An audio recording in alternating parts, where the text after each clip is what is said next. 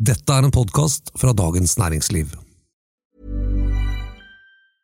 A lot can happen in three years, like a chatbot may be your new best friend. But what won't change? Needing health insurance. United Healthcare Tri Term Medical Plans, underwritten by Golden Rule Insurance Company, offer flexible, budget friendly coverage that lasts nearly three years in some states. Learn more at uh1.com. It's that time of the year. Your vacation is coming up. You can already hear the beach waves, feel the warm breeze, relax, and think about work. You really, really want it all to work out while you're away. Monday.com gives you and the team that peace of mind. When all work is on one platform and everyone's in sync, things just flow wherever you are. Tap the banner to go to Monday.com. Many of us have those stubborn pounds that seem impossible to lose, no matter how good we eat or how hard we work out. My solution is PlushCare. PlushCare is a leading telehealth provider with doctors who are there for you day and night to partner with you in your weight loss journey. They can prescribe FDA-approved weight loss medications like Wagovi and Zepbound for those who qualify. Plus, they accept most insurance plans. To get started, visit plushcare.com slash weight loss. That's plushcare.com slash weight loss. Første del av 2021 har gitt oss politiske sjokk og generell vantro. Men også håp, og til og med politisk poesi. Dette er den politiske situasjonens sommerspesial.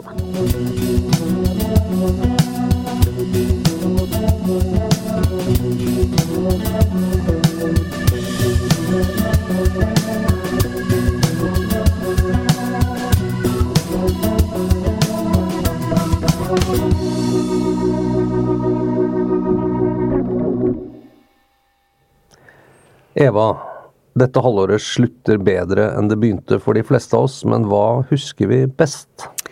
Ja, jeg har i hvert fall plukket ut to saker som jeg husker godt. Ja, jeg også, så la oss komme i gang nå med gjenopplevelsen. Hvor skal vi begynne, egentlig? På Geilo. Akkurat. Vendepunktet for Erna Solberg? Ja, på mange måter så kan det jo se litt sånn ut, altså. Eh, ja, vi kan jo spole tilbake, ikke sant. Vinterferien. Eh, det viste seg at eh, vår kjære statsminister Erna Solberg fylte 60 år, hadde tatt med seg slekta si til et møte, et treff på Geilo. De var til sammen 14 personer. Møttes to kvelder på rad og gjorde på en måte det som hele regjeringen sto daglig og snakket om at vi ikke skulle gjøre, nemlig møtes mange, altså helst ikke møtes i det hele tatt osv. Folk hadde en sånn helt sånn generell nå bare roer vi ned alle feiringer. Og så viste det seg at hun hadde feira sin 60-årsdag på en måte som som da var i strid med smittevernreglene, ikke sant. Eh, først så virket det som kanskje folk ikke tok det så tungt. Ja. Eh, det var i hvert fall en viss sånn Var nå dette så farlig? Ja, det var kanskje et sånt som jeg tror vi også snakket om den gangen, om pressens moralske indignasjon Ja. var høyere enn raseriet i befolkningen, som av og til skjer. Ja, eh, ikke sant. At, eh, at eh, kommentatorer som deg og meg, og andre, ble er, er liksom Pekte på det åpenbare poenget at det er veldig problematisk å lage regler. Eh, Og så bryte dem selv. Ikke sant? Den, men, så, men så er det kanskje stemningen litt sånn eh, Fordi folk syns det var komplisert. Altså, eh, no, denne saken viser jo hvor komplisert det var, ikke sant. Fordi hun eh, hadde jo De hadde jo eh, et møte på en restaurant på en av dagene. Og så hadde de et møtepoll i leide leiligheter, hvor de sammen spiste sushi på den andre dagen. Eh, og dette restaurantmøtet eh, ble hun da til, det ble hun da dømt for til slutt. Fordi det, der var hun medarrangør på et møte med flere enn ti personer. Men den tilfeldige sammenkomsten de hadde i leilighetene, som jo selvfølgelig er akkurat like smittefarlig, den var grei. Så det sier jo litt, det var vanskelig. Det var liksom, Hva er reglene her? Eh, og så var det jo interessant at Erna Solberg ble, eh, ble, ble dømt for å være medarrangør til den restaurantsamlingen. Ja. Eh, mens mannen hennes, Sindre Finnes, eh, gikk fri. Og Ja. det ble det også en del diskusjon om. Så fikk hun en bot eh, som hun betalte, og så gikk livet videre. Men, men hvis vi skal snakke om et vendepunkt, så Mm. må det jo på en måte ha skjedd noe mer. Eh, enn at det bare var en drittsak, egentlig. Ja, ja, ikke sant. Drittsak var det jo ikke. Det mener jeg, det mener jeg fortsatt. Jeg tror kanskje at det, at det Ja, for, for henne, da. Ja, ja, ja sånn, ja. Ja, nei, at, at det festa seg eh, at, at, at det kanskje Altså, det minsket tabbekvoten til Erna Solberg, tror jeg. Og at man ble litt mindre tålmodig med henne som sånn koronamaestro. For det første så så vi at hun lå lavt noen uker etterpå. Eh, Jeg tror kanskje ikke hun syntes det var så gøy å være formanende moder nasjon eh, rett etter dette. Men, men så kommer jo liksom Så er det jo det som hun, regjeringen, hele tiden sier at det er mye vanskeligere å åpne landet enn det var å stenge det og sånn. Men, men i hele den prosessen med gjenåpningen så har det vært en del hendelser som, som også ikke har vært spesielt populære. Ikke sant? Eksempel dette med at alle på Stortinget og i regjering skulle få vaksinere seg.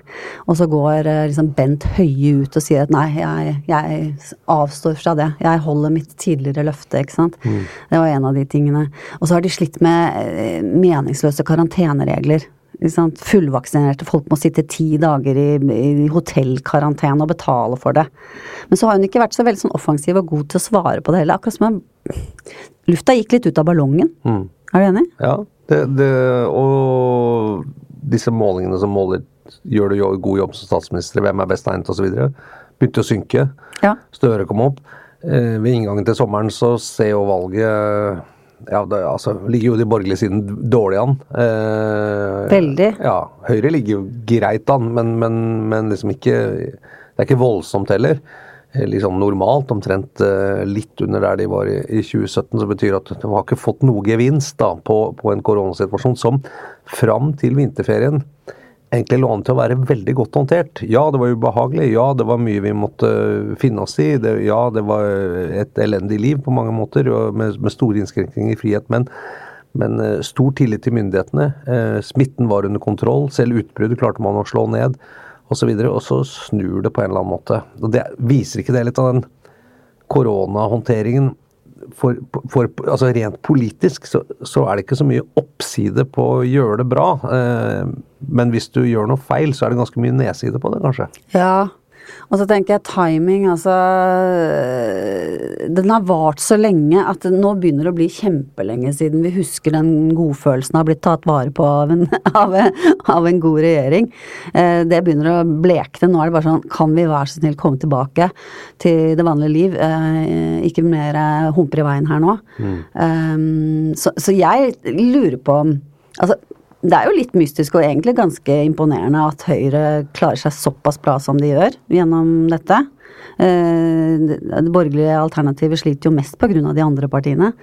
Men, eh, men samtidig så tror jeg ikke jeg tror ikke regjeringen når det kommer til valg egentlig kommer til å kunne eh, cashe inn så veldig mye på koronahåndteringen. Altså. Da tror jeg hodene våre er et annet sted. Mm.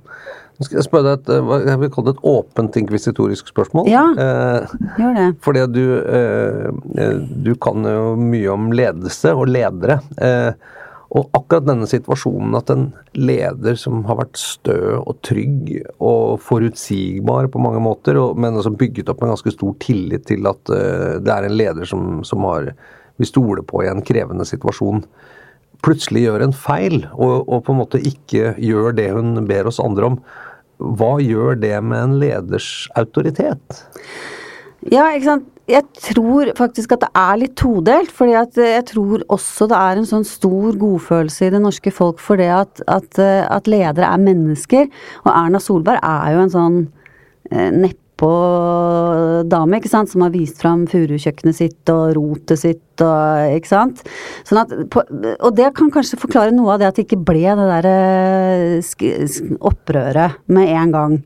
Eh, samtidig så, så, så, så, spiller det også inn den derre du må på en måte leve det altså, Liv og lære, da. Det er jo en helt sånn åpenbar uh, ting at, uh, at det blir vanskeligere å tro på noen som formaner uh, deg til å oppføre deg på en måte hvis de ikke følger det opp selv. Eh, da blir det eh, Hvorfor i all verden skal jeg høre på henne? Og eh, skulle ikke forundre meg, det, det, det er vanskelig å få empiri på, men, men jeg, jeg, vil jo tro at det er sannsynlig at det er flere som lemper litt etter en sånn hendelse. Altså, ja, ja, nei, det går sikkert bra. Vi møter, vi tar det likevel. Altså sånn, det vil jo, det vil jo på en måte undergrave hele den derre eh, opp, oppslutningen om disse strenge reglene, da. Mm. Så ja. Det, det, er sammensatt. Ja, det gikk jo relativt greit likevel, eh, sånn smittemessig. Men jeg, jeg syns det er ja. litt interessant, for at en, en, eh, når, når, politikere går litt sånn ut av sitt gode skinn, og Liv Signe Navarsete skjelte ut en sånn mm. sykehusaktivist på TV en gang, så, så ble det litt delt, og så, og så sier man åh, så deilig med politikere som mm. ikke på en måte bare er behersket og sånt kan være seg selv og reagere på menneskelig måte osv. Og det kan man jo kjenne seg igjen i, og politikere skal være representative og liksom ha de samme styrker og svakheter som befolkningen osv. Men, men hvordan er det mellom når du er leder og lese? Vil vi egentlig at ledere skal være eh, akkurat som oss og ha de samme styrkene og svakhetene som oss, eller har vi forventninger til at ledere på en måte er mye mer perfekte enn oss selv. Jeg tror det er en dobbelthet der. For det er klart en leder har også en rolle å spille som går utover det, det, at de er en person med styrker og svakheter. Og den rollen er vi på en måte nødt til å respektere for at de skal kunne utøve sin autoritet. Da. Du kan ikke liksom gå helt tilbake heller. Så det er en veldig sånn balansegang der. Vi elsket at kongen satt på trikken og betalte for seg og sånn, men han skal liksom ikke eh, rølpe på fyllefest på natta i Oslo. Altså, det er noe med Ja, veldig fin balansegang. De skal på en måte vise fram noe menneskelig, men samtidig bevare rolle. Jeg tror ikke det er lett. Og jeg tror kanskje også kravet til det å vise fram det personlige bare øker. Altså gitt sosiale medier og eh, ja, ikke sant. Man har jo snakket om det i årevis før sosiale medier. Også hvordan man liksom tvinger politikere til å komme på TV og kjøre trehjulssykkel rundt i studio og tulle og tøyse og være vanlige folk, liksom. Mm. Og hva gjør det med Det er en sånn evig problemstilling, eh, og jeg tror den blir bare mer og mer eh, aktuell. Fordi presset på det å by litt på seg selv og være vanlig og sånn, bare øker, da. Men kanskje man ikke må blande det med selve gjerningen? Altså Man kan godt være et sammensatt og, og feilbarlig menneske, eh, for alle er jo det, men kanskje ikke i utøvelsen av selve gjerningen. For her er jo, her er jo på en måte feilen så nært knyttet til det som var det viktigste av alt hun gjorde på den tiden, som gjør at det, blir litt krøll. Ja, den, den, er ekstra kinkig. Ja, Absolutt. Samtidig som alle var i den situasjonen at de følte på det. Eh, den forvirringen, kanskje, og at det var mye regler, og at det var mye endringer, og ikke sant, så en viss forståelse fordi man var i mye av det samme. Men nei, den er ikke Den er absolutt uh, sammensatt den politiske situasjonens eh, lederskole for politiske ledere konkluderer med at du, at du, eh, du kan godt vise frem svakheter og, og miste beherskelsen osv., men, men ikke det som er veldig nært knyttet til liksom det sentrale delen av det politiske ledervervet du har. på en måte. Da. Nei. Ja, det er i hvert fall, eh, Da øker risikoen for at eh, det får en nedside. ja, jeg skjønner. Uh, ja, Hvordan, du da?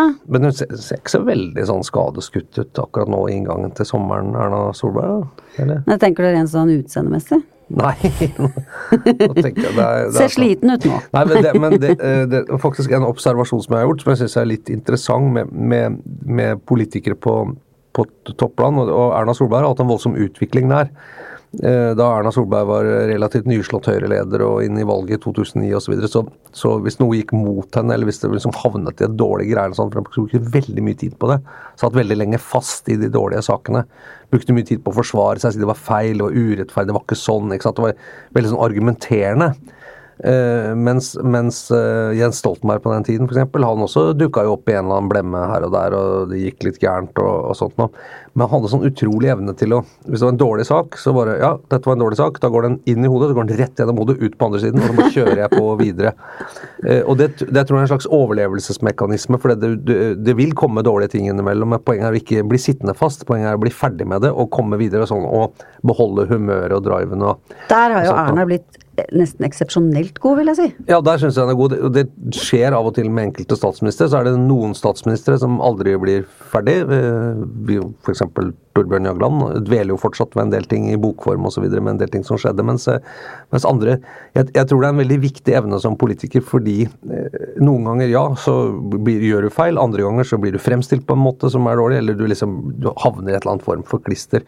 Og hvis du blir stående i det for lenge, så eh, så mister du konsentrasjon, og du mister særlig i valgkamper, så mister du evnen du kommer videre. Det, er viktig å få med i denne valgkampen er at i en valgkamp hvor det er så mye press, er at hvis det går gærent noe sted, og du blir sittende i det klisteret, hvis ikke de klarer liksom bare å kjøre gjennom og komme seg videre og bli sittende i det, så går det veldig ofte dårlig valgkamp. da. Hvis de begynner å bruke tid på å liksom argumentere med det de oppfatter er en urettferdig virkelighet, og det Ja. liksom senker humøret, da går det gærent. Men, det, men når vi da er inne på dette med ledelse igjen, så er jo dette noe som går igjen i all, i all type ledelse. ikke sant? Du kan ikke du kan ikke gå gjennom å være en god leder og samtidig være, gjøre alle til lags og aldri få kritikk.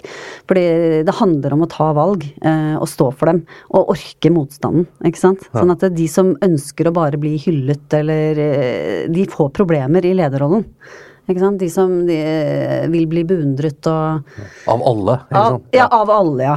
Eh, så man må til og med tåle å liksom bli mislikt av nesten alle i, små, i perioder for ting man gjør, ikke sant. Altså, det er um, det er, noe, det er noe av det viktigste ledertalentet, vil jeg si. Å orke å stå i det. Dette må vi, dette I valgkampen, når det går inn i sin sånn avgjørende fase når når vi er tilbake etter sommeren, så må vi jo følge spesielt med på det. Hvem, hvem tåler kjøret best? Ja. ikke sant? Ja. Det blir spennende. You should celebrate yourself every day, but some days you should celebrate with jewelry. Whether you want to commemorate an unforgettable moment or just bring some added sparkle to your collection, Blue Nile can offer you expert guidance and a wide assortment of jewelry of the highest quality at the best price. Go to BlueNile.com today and experience the ease and convenience of shopping Blue Nile, the original online jeweler since 1999. That's BlueNile.com. BlueNile.com.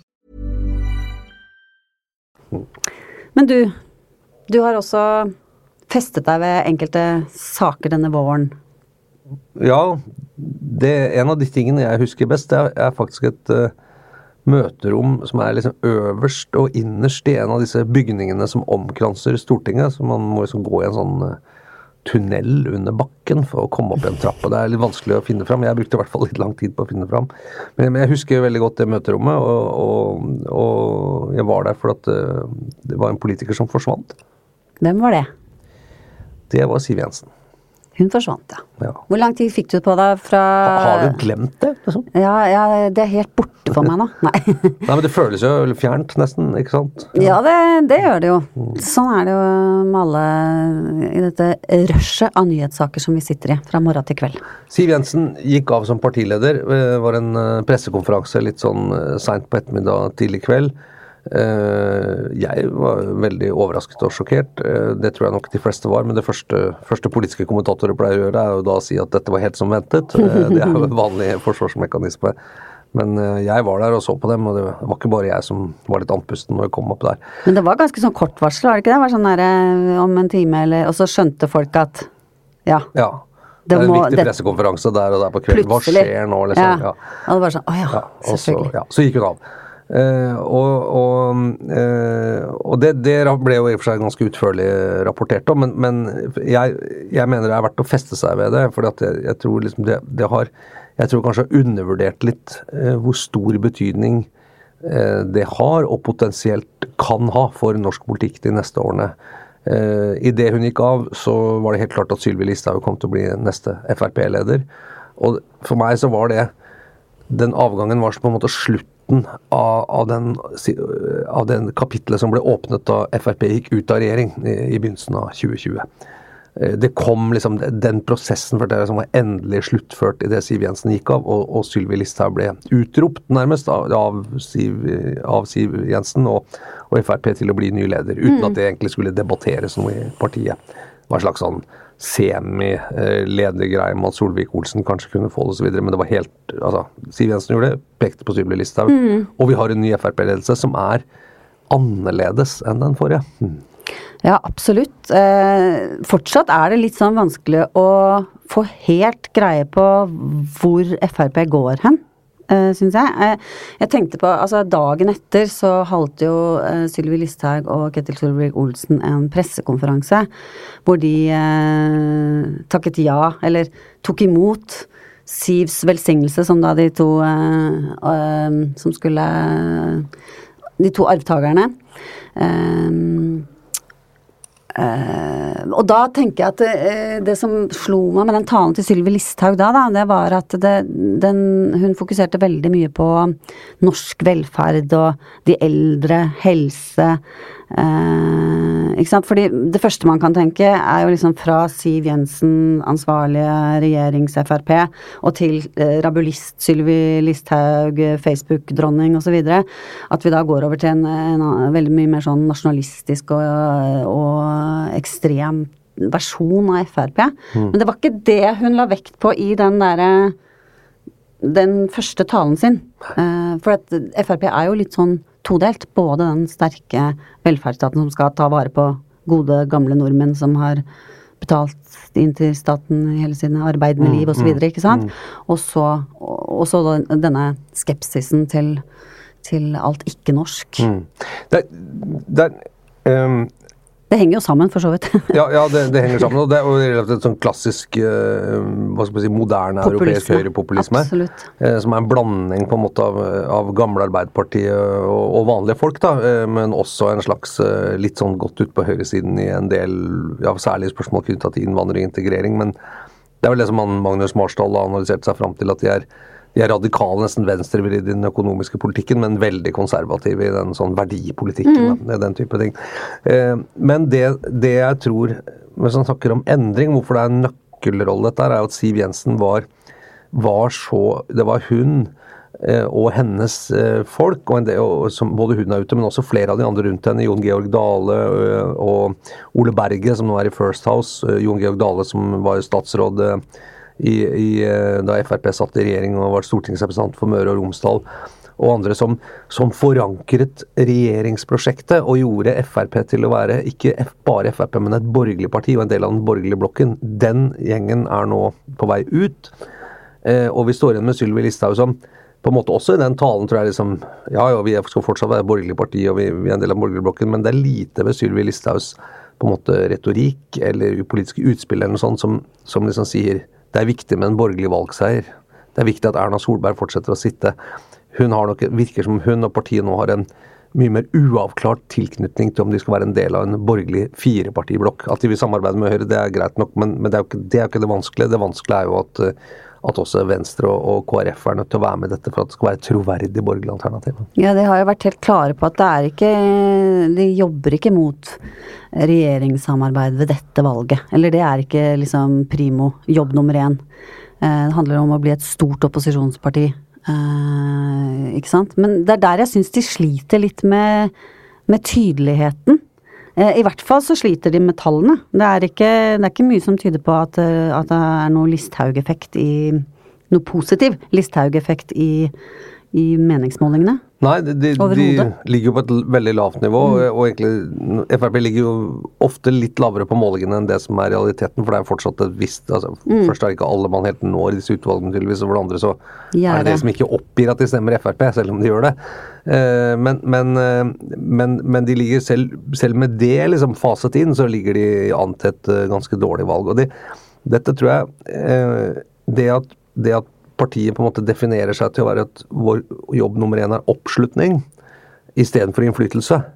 Eh, ikke sant? Du kan, mm. og, at man setter det litt opp mot hverandre. At prisen for innflytelse og makt, som de tross alt hadde veldig mye av, for de var veldig dyktige eh, som regjeringsparti. Dyktige til å få gjennomslag, dyktige til å skaffe penger, ikke minst, til sine hjertesaker. Men at de setter det opp mot oppslutning, som jeg tror kanskje av og til er en litt sånn feilslutning. Man, man må liksom velge mellom oppslutning eller innflytelse. Eh, det, det, er litt interessant å se hvor det går. Fortsatt tror jeg jo appetitten på å være i de rommene hvor makten blir utøvd osv. er nok litt større i partiet. Eh, fordi det, det har ikke forandret seg hele partiet over natten, og regjeringsprosjektet hadde jo veldig bred oppslutning i partiorganisasjonen. Eh, men det er litt interessant å se hvor det går, særlig hvis, særlig hvis, hvis det borgerlige flertallet som det ser ut nå, da, ryker ved valget, og, og Frp gjør et sånn middels dårlig valg, hvor, hvor tenker de da tenker da Sylvi Listhaug ok, hvis jeg skal opp igjen nå, så må jeg på en måte løsrive meg helt. Jeg må gå mye lenger. Jeg må gjøre meg umulig for Høyre, Venstre og KrF. Det er der min mulighet for oppslutning ligger. Det, mulig det oppslutning, men det er vanskelig å se for seg makt da, hvis hun skal gå enda lenger ut. Jeg tenker at de sliter jo også litt med Senterpartiet, som, som jo helt de facto har tatt en god del velgere fra dem, og kanskje eh, Og kanskje gir nok på dette behovet i folket på nasjonale verdier og nasjonalkonservatisme. Jeg skal ikke bruke det ordet, men altså Jo, litt, de som er både litt nasjonalistiske og litt konservative. At Senterpartiet greier å, å, å haie til seg dem, ikke sant. Men da, da kan jo en løsning bli for Listhaug å gå enda lenger ut, men hvor ligger da hennes sjanse for å få, eller FrPs sjanse for å igjen få, få reell makt? Det blir jo et spørsmål, da. Ja, det er ikke sant. For Ja. det kan jo, eh, hvis det borgerlige flertallet ryker, så blir jo Senterpartiet fort et regjeringsparti, eller i hvert fall en del av, Mm. av regjeringens parlamentariske grunnlag. Den, den, den, eh, den har vi snakket mye om, akkurat den der, der, så vi skal ikke igjen, gå og ta opp det igjen. Men, og da er det et rom for å være liksom det fremste populist- og angrepspartiet mot regjering. Eh, eh, når Senterpartiet må ta ansvar for det som skjer. Men, men, men men akkurat, Ja, som, akkurat som du sier, men det er det, det er det hvor langt går man på den måten at altså Kan vi stå i 2025 og si at jo, det kan godt hende at liksom Venstre, KrF, Frp og for Høyre klarer å skaffe seg et flertall på Stortinget, men det er helt umulig å tenke at de klarer å samarbeide. Eh, Fordi Frp har gjort seg helt på en måte Mm. persona non grata hos de andre partiene. Eller at de til og med ikke bare utgjør Venstre og KrF, men at de bare peker på Høyre, og at de smeller på Høyre hele tiden. og Politikere, kan. Hvis, du, hvis du sier nok stygt, eh, så, så er jo ikke de altså, De er jo menneskelige, som vi snakket om i stad, og da, da blir tonen sur, tilliten svinner osv., og, så og så har du et samarbeid som da blir umuliggjort. Så det, det er spennende, syns jeg, med Sylvi Listhaug, og derfor Siv Jensen Det visste vi på en måte hvor hun var i kjernen, men selv om hun også kunne være ganske bøs i tonen av og til. Eh, Snikislamisering er- var jo egentlig- det var jo Siv. Jensens, ikke sant? Ja, for eksempel. Men du, bare en ting. Det var et lite frempek eh, som gjorde at vi burde ha skjønt at Siv Jensen skulle gå av. Husker du hva det var? At hun skulle få seg hund. Ja Hun la jo flere, noen dager før en sånn gledesstrålende Facebook-post om at hun skulle få seg hund. Da burde vi ha skjønt det, vet du. Det går ikke an å, å ha den jobben og ha hund og bo alene. Det er ikke mulig. Nei, Amerikanske presidenter da, har jo De har jo stort sett alltid hatt hund. De klarer det, de. Så hvis de klarer det, så Ja, klarer de det Ja, men et lite, litt annet støtteapparat, tror jeg. Ja, det kan hende. Muligens. Trump hadde ikke hund. Eh, Nei. Ja. Fritt for ikke være hunden til Trump. Det var to sjokk, da. Sushisjokket og, og Siv Jensen-sjokket. Eh, så da går vi til vantro, som vi også lovet her. Hva er det som har fått deg til å miste troen, Eva? Jeg, jeg ble i hvert fall eh, temmelig eh, overrasket. Eh, altså, jeg leste eh, et utdrag fra en svensk dokumentarbok i høst. Den var skrevet av en journalist, Johan Anderberg. Eh, utdraget ble gjengitt i Svenska Dagbladet og var veldig interessant. For han hadde fått tak i en god del sånn e-postutveksling mellom uh, fagfolk, altså uh, vår alles uh, Tegnell og diverse andre fagfolk i den, i, i den svenske eh, folkehelsemyndigheten. Og det som de e-postene viste, var jo en avsløring av det som liksom har vært det der store spørsmålet i Sverige. Har de egentlig eh, gått med på eh, å skape flokkimmunitet og, gå, og gått med på at da må det gå med en del flere liv, men, men vi vil da få en større mot, eh, motstandsdyktighet i befolkningen. Um, eh, er det egentlig det de har gjort uten å si det høyt? Fordi at altså, eh, politiske myndigheter i Sverige har, som andre politiske myndigheter, sagt at liv og helse er prio nummer én.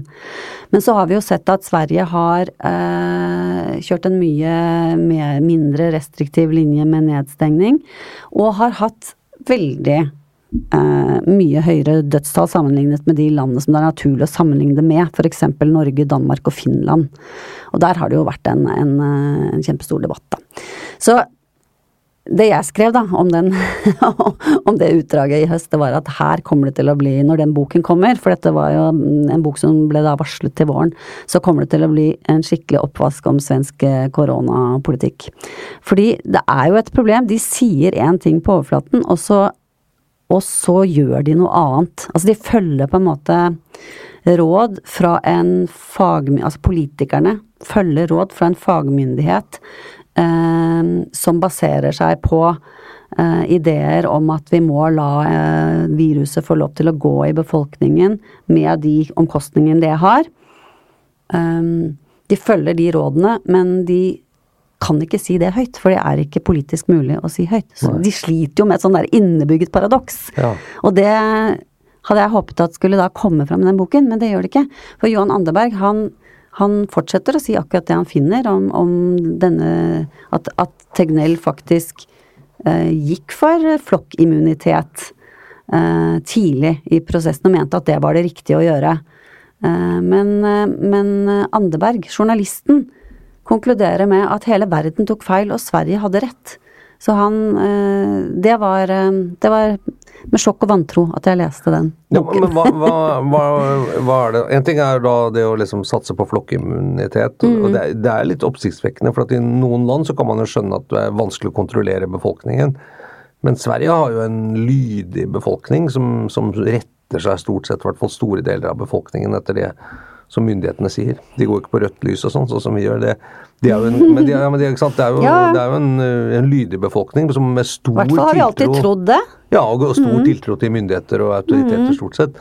Eh, Så det er jo rart. Man hadde jo muligheten her til å i hvert fall få et sånt koronaregime à la Norge til å fungere helt fint. Men Eh, Men man gjorde en, ikke det. Nei. Nei, en, en sånn miss, eh, en miss som de gjorde, og det, det er en av de som han Anderberg også anerkjenner at var, et, var, et feil, en feilvurdering, viktig feilvurdering av svenske fagmyndigheter, det var at de trodde absolutt ikke på at det skulle komme en vaksine så fort som det kom en vaksine. Så at du kan jo, du kan jo La oss si det hadde tatt tre år da, å få vaksinen, så kan du kanskje begynne å, å diskutere liksom hvor lenge skal vi være nedstengt, hvor skal liksom det, det smertepunktet gå, ikke sant. Mens, eh, mens norske, for eksempel, da, det er jo de vi kjenner best, og mange andre land også, eh, på et litt tidligere tidspunkt uh, tok for gitt at vi for, altså, uh, fant ut at det var em, gangbar policy.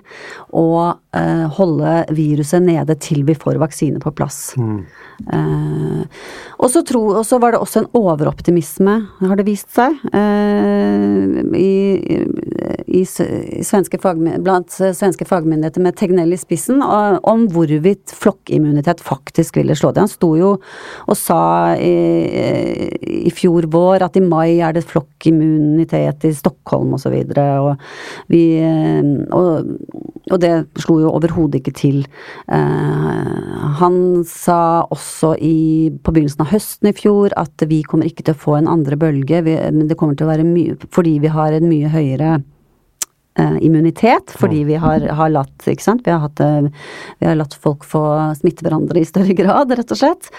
Og at Norge kom til å slite mye verre enn Sverige osv. Altså, han har sagt veldig mange ting som har slått helt feil.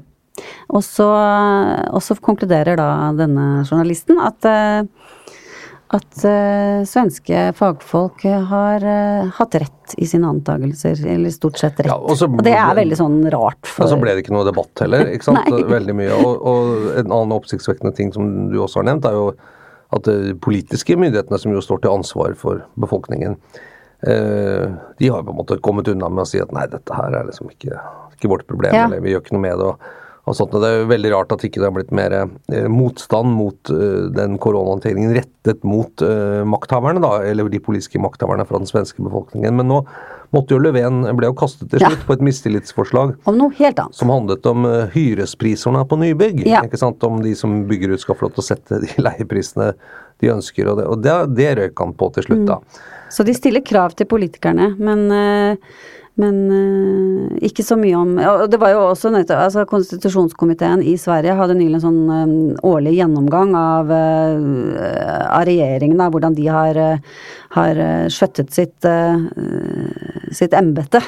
Og da var det en god del enkeltspørsmål vedrørende koronastrategien, men ingenting som gikk på dette med har politiske myndigheter tatt det overordnede ansvar som de faktisk har i nasjonale kriser? Altså, Man har jo dette i Sverige at fagmyndigheter har stor myndighet eh, tradisjonelt, og at man hører på, på faglige myndigheter på en kanskje enda mer sterkere måte enn man har tradisjon for i Norge. Men, men det, det fritar jo ikke politi øverste politikere og regjering fra et, et helhetlig ansvar i en, en, nasjonal krise. Nei, krig er for viktig til å bli overlatt til generalen og sånn som det heter. Så ja, sant? Men, eh, ja, det, men det, det nå, nå, kjenner jeg vi jeg snakker oss inn i en god overgang her. For at det, det som jeg syns er interessant å se på, på Sverige her, er at eh, demokrati, altså i ordets på en måte sanne forstand, nemlig det at du kan stille politiske ledere til ansvar der hvor det er naturlig, og at du forventer at de man velger på en måte styrer landet. og at når når da, i Sverige, i hvert fall for meg det ser så, så har på en måte politikken litt abdisert og på en måte behendig nok sagt at denne krisen, den er ikke vårt ansvar. Det får liksom myndighetene holder på med. Ja, Som om det finnes noen ja, streker under svaret, liksom. Og vi stoler på myndighetene, selv når liksom folk dauer i en helt annen utstrekning i andre land, så, så lager ikke vi noe greie med det. Og så sier folk, for det første, så er det litt oppsiktsvekkende at folk, ikke minst pressen i Sverige også, sier sånn Ja, det dør veldig mange flere her enn i Norge og Danmark, men det er bare fordi Ja, det, det går helt fint. Altså, det, det, er liksom et eller annet med i sammenligning med andre land. Ja, demokratiske liksom, institusjonene og mekanismene på en måte fins, så virker de jo ikke hvis folk ikke bruker dem. Eh, ikke sant? Og det, det, er jo det som er at altså, Demokratiet er jo ikke bare et sett med regler. Det er viktig med lover og innskrenkninger, og sånn, men det må jo også aktivt brukes hvis det skal ha noen funksjon. For hvis du hvis du som statsleder kan på en måte kollapse helt i en koronahåndtering uten at det får noen konsekvenser Nå, nå skal vi jo ikke vi skal jo ikke utelukke at man kunne gå til det skrittet å felle Löfven fra Venstre fordi at folk litt, hadde mistet litt tilliten til han etter alt dette koronagreiene. Det, det kan jo hende at de har spilt inn i den politiske vurderingen der, men, men jeg syns det er litt sånn Det samtidig med at Som jo også er ganske sånn interessant, er at hvor raskt nordmenn på en måte har gitt opp en rekke grunnleggende rettigheter som reisefrihet, frihet til å dra på hytta til sin egen eiendom, eh, forsamlingsfrihet og andre sånne ting. Eh, etter relativt milde pålegg fra myndighetene, så, så, har man jo Så må man tenke over at liksom eh, i gitt situasjon så, så, er jo demokratiet sårbart selv uten at man gjør noe med regler og institusjoner. Men det ble lang overgang. Ja, skjønner hvor jeg skal. jeg veit hvor du skal. Ja, ikke sant. Ja, fordi, du eh, skal til. Ja, ikke sant. Håp, det var jo det siste her. Håp og, og politisk poesi. Jeg, eh, jeg eh, dekket jo det presidentvalget i USA i fjor. Og det var jo en spennende, men også litt sånn selsom affære. Ikke minst fordi at liksom hele opptellingen og hele på en måte gjennomføringen av liksom det kjernen i et demokrati, nemlig et fritt valg, Eh, var så skandalisert, og opptellingen tok så lang tid, og det var så mye konspirasjonsteorier om at det var juks osv. Så, videre, så det hadde jo valget hadde faktisk lav legitimitet, selv gjennomføringen i en, oppsiktsvekkende og foruroligende stor del av befolkningen. Men til slutt så, eh, så fikk man jo kåret en vinner, som ble Biden, eh, og liksom de fire årene med Trump var over. og han skulle innsettes i, i Washington da i, rundt 20. januar, som vel er den innsettelsesdatoen for amerikanske presidenter hvert fjerde år. Eh, og da hadde jo vært dette angrepet på Kongressen, som jo var helt eh, Altså, var redselsfulle scener. Eh, så da jeg kom til Washington, så var jo hele byen beleiret. altså Det var jo som å være i et sånt eh, ja, militærleir. altså store deler av byen var bare avstengt, og det mm. var våpen og jipper og biler og helikopter. Det var helt forferdelig. og I tillegg til at den var ganske sånn koronapreget. Eh, og liksom her skal du til sentrum liksom, av den frie verden, og på en måte det moderne demokratiets vugge, hvor du har liksom Lincoln-monumentet der, og den der Washington Column og alt dette her. Og så er det bare som en slags sånn slags diktatur. Eh, og inni dette skulle den innsettelsen være Jeg tenkte maken til trist feiring liksom, av demokrati mm. noensinne. Men så kom det diktet til hun Amanda Gorman. Eh, som ja, alle som så det, husker vel det. Men vi, må, vi, kan jo rekapitulere litt. Hun er jo en ung eh, afrikansk-amerikansk eh, eh, kvinne. Eh, gått på veldig gode skoler. altså Det er ikke, sånn, det er ikke fra gettoen, på en måte, dette, men, men Eh, men altså har skrevet et dikt og holdt på sånn, et dikt med utrolig mye sånn trøkk og punch som handlet egentlig om frihet, ikke sant, og kampen for frihet og, og frigjøring og osv., men i en litt sånn moderne tapning. Ikke så bare liksom at frihet er noe historisk osv. Det var et eller annet med det resonnerte så veldig liksom i den situasjonen. Det, og ga veldig sånn håp, da. Mm. Ja, jeg så det jo på, på TV. Det, det, som sitter igjen eh, hos meg, det er det at det var veldig sånn eh, hva skal vi si, manende, bydende, rytmisk. Altså det var en sånn Det var på en måte både dikt og musikk i ett. Og hun hadde en veldig, veldig sterk fremtoning sånn personlig. Det var ikke egentlig ordene så mye i, i seg selv. De, de, var, de var vakre og, og, sånn, men det var noe med hele, hele forestillingen hennes som var som ble veldig sterk, da. Ja, og kunne jo minne om noen av de store talene som også har vært holdt i Washington, mm. ikke sant. Eh, altså, I have a dream. I have a dream. Ikke sant, den der litt sånn drive. Men, men, og det, men det bare var noe med at selv om det skjedde liksom i, i helt sånn vanvittige omgivelser, egentlig, eh, med et sikkerhetsoppbud som var helt utrolig og veldig lite sånn folkeliv og sånn, så, så, var det akkurat som liksom man kunne puste litt friere igjen. Eh, og, og, det, og det at liksom ja, hva skal vi si, det var litt høystemt på slutten her, men at det at politikk og demokrati eh, på en måte også i visse situasjoner er noe mer enn bare liksom et game eller, eller, en maktkamp eller liksom den type ting, men at du, du ser til et samfunn som USA at etter fire relativt mørke år og hatt en president som var jeg vil si var, hadde storsterke antidemokratiske trekk, eh, så, så løsner det igjen. ikke sant? Og, og, og den der følelsen der at jo, ok, det er håp, det er fortsatt mulighet. Liksom, det, er, det er et eller annet Jeg syns det, ja, det, var veldig sterkt. Jeg husker det godt, i hvert fall. Og der skulle vi sikkert gjerne ha stoppet med det håpet, men så, så bare så, altså, det, Jeg tenker at når vi nå ser på liksom, USA noen måneder etterpå, så er det jo kanskje to ting som er sånn utrolig spennende. Det ene er Eh, Bidenomics. Altså vil hans eh, Bidens enorme satsing på å gjenoppbygge og få liv i amerikansk økonomi lykkes? Og det andre er hvor død er egentlig Trump? Og jeg syns den der hendelsen med, eh, med, Liz Cheney, som satt i ledelsen i det republikanske partiet i Kongressen, hvordan hun ble kastet ut derfra fordi hun stilte spørsmålet eh, ved Trumps påstand om at, eh, at, eh, valget kun er basert på fusk, og at han er den reelle vinneren. Og det tålte altså ikke det republikanske partiet 13. mai eh, i år, mange måneder etterpå. Det er, jeg syns det er et urovekkende tegn på at eh, han rør på seg. Han er ikke død. Nei, det er riktig. og det og altså, overraskende også, ikke sant. Ja. Store deler av klerisiet da, i det republikanske partiet har jo da vært nært knyttet til Trump, for de mente det var opportunt i de fire årene, selv om de i utgangspunktet var, ikke ville ha han. Eh, og når det da kommer en eh, på en måte outsider og utfordrer hele det, eh, og dermed på en måte får alle de som har backa Trump, da, og særlig i disse kritiske dagene rundt dette 6. januar med stormingen av Kongressen og var ikke alle som var helt patent der osv., så, videre, så er nok det eh, Altså, Var det sak, eller så de at her kommer det en som kommer fra en, en viktig republikansk familie, nemlig Cheney-familien? Og hun kan jo bli en utfordrer og koste oss alle jobben, så hun må jo bare ta fortest mulig. Ja, det vet jo ikke. Det ville jo vært typisk politics, egentlig. Ja. ja. Ja, men samtidig så er det jo da, som du var inne på, Trump er dypest sett svært antidemokratisk. Eh, og at, at han har en så Ok, det, det, kan være opportun politikk å støtte han. Men det er også skummelt med tanke på fremtiden til USA. Helt sant, men, men, men gjorde de det for å liksom støtte Trump, eller gjorde de det for å redde egen, sitt eget skinn? Eh, for, eller for å fjerne en som kunne bli en potensiell utfordrer og maktvervende, eller f.eks. Ja. presidentkandidatur ja. i neste vi kan gang? Håpe. Vi kan håpe. Vi kan håpe det handler om person og ikke sak. Ja, men, eh, ja mm, det eller? kan vi sikkert håpe. Du tror ikke det helt? Nei, jeg, jeg, jeg, syns det, det, er urovekkende hvor stor eh, støtte han har i det, tydeligvis i, det republikanske partiet fortsatt. Eller i hvert fall det er stor risiko for at det er det det handler om. Så og eh, at amerikansk politikk fortsatt er ganske uforståelig, bare at vi hører ikke så mye om det. ligger liksom litt sånn gjedda i sivet. Vi kommer til å høre hverandre. Så lenge varte det lille pusterommet med poesi og håp.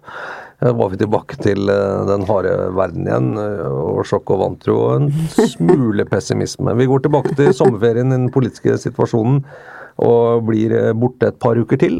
Men den 29. juli, altså i slutten av juli måned, da er vi tilbake med normale sendinger og begynner å gire opp til valgkamp, Arendalsuke og en politisk høst som tror kommer til å bli sykt spennende, rett og slett. Det kommer til å bli kjempegøy. Følg med oss. Følg med oss, og god sommer videre til alle våre lyttere. God sommer.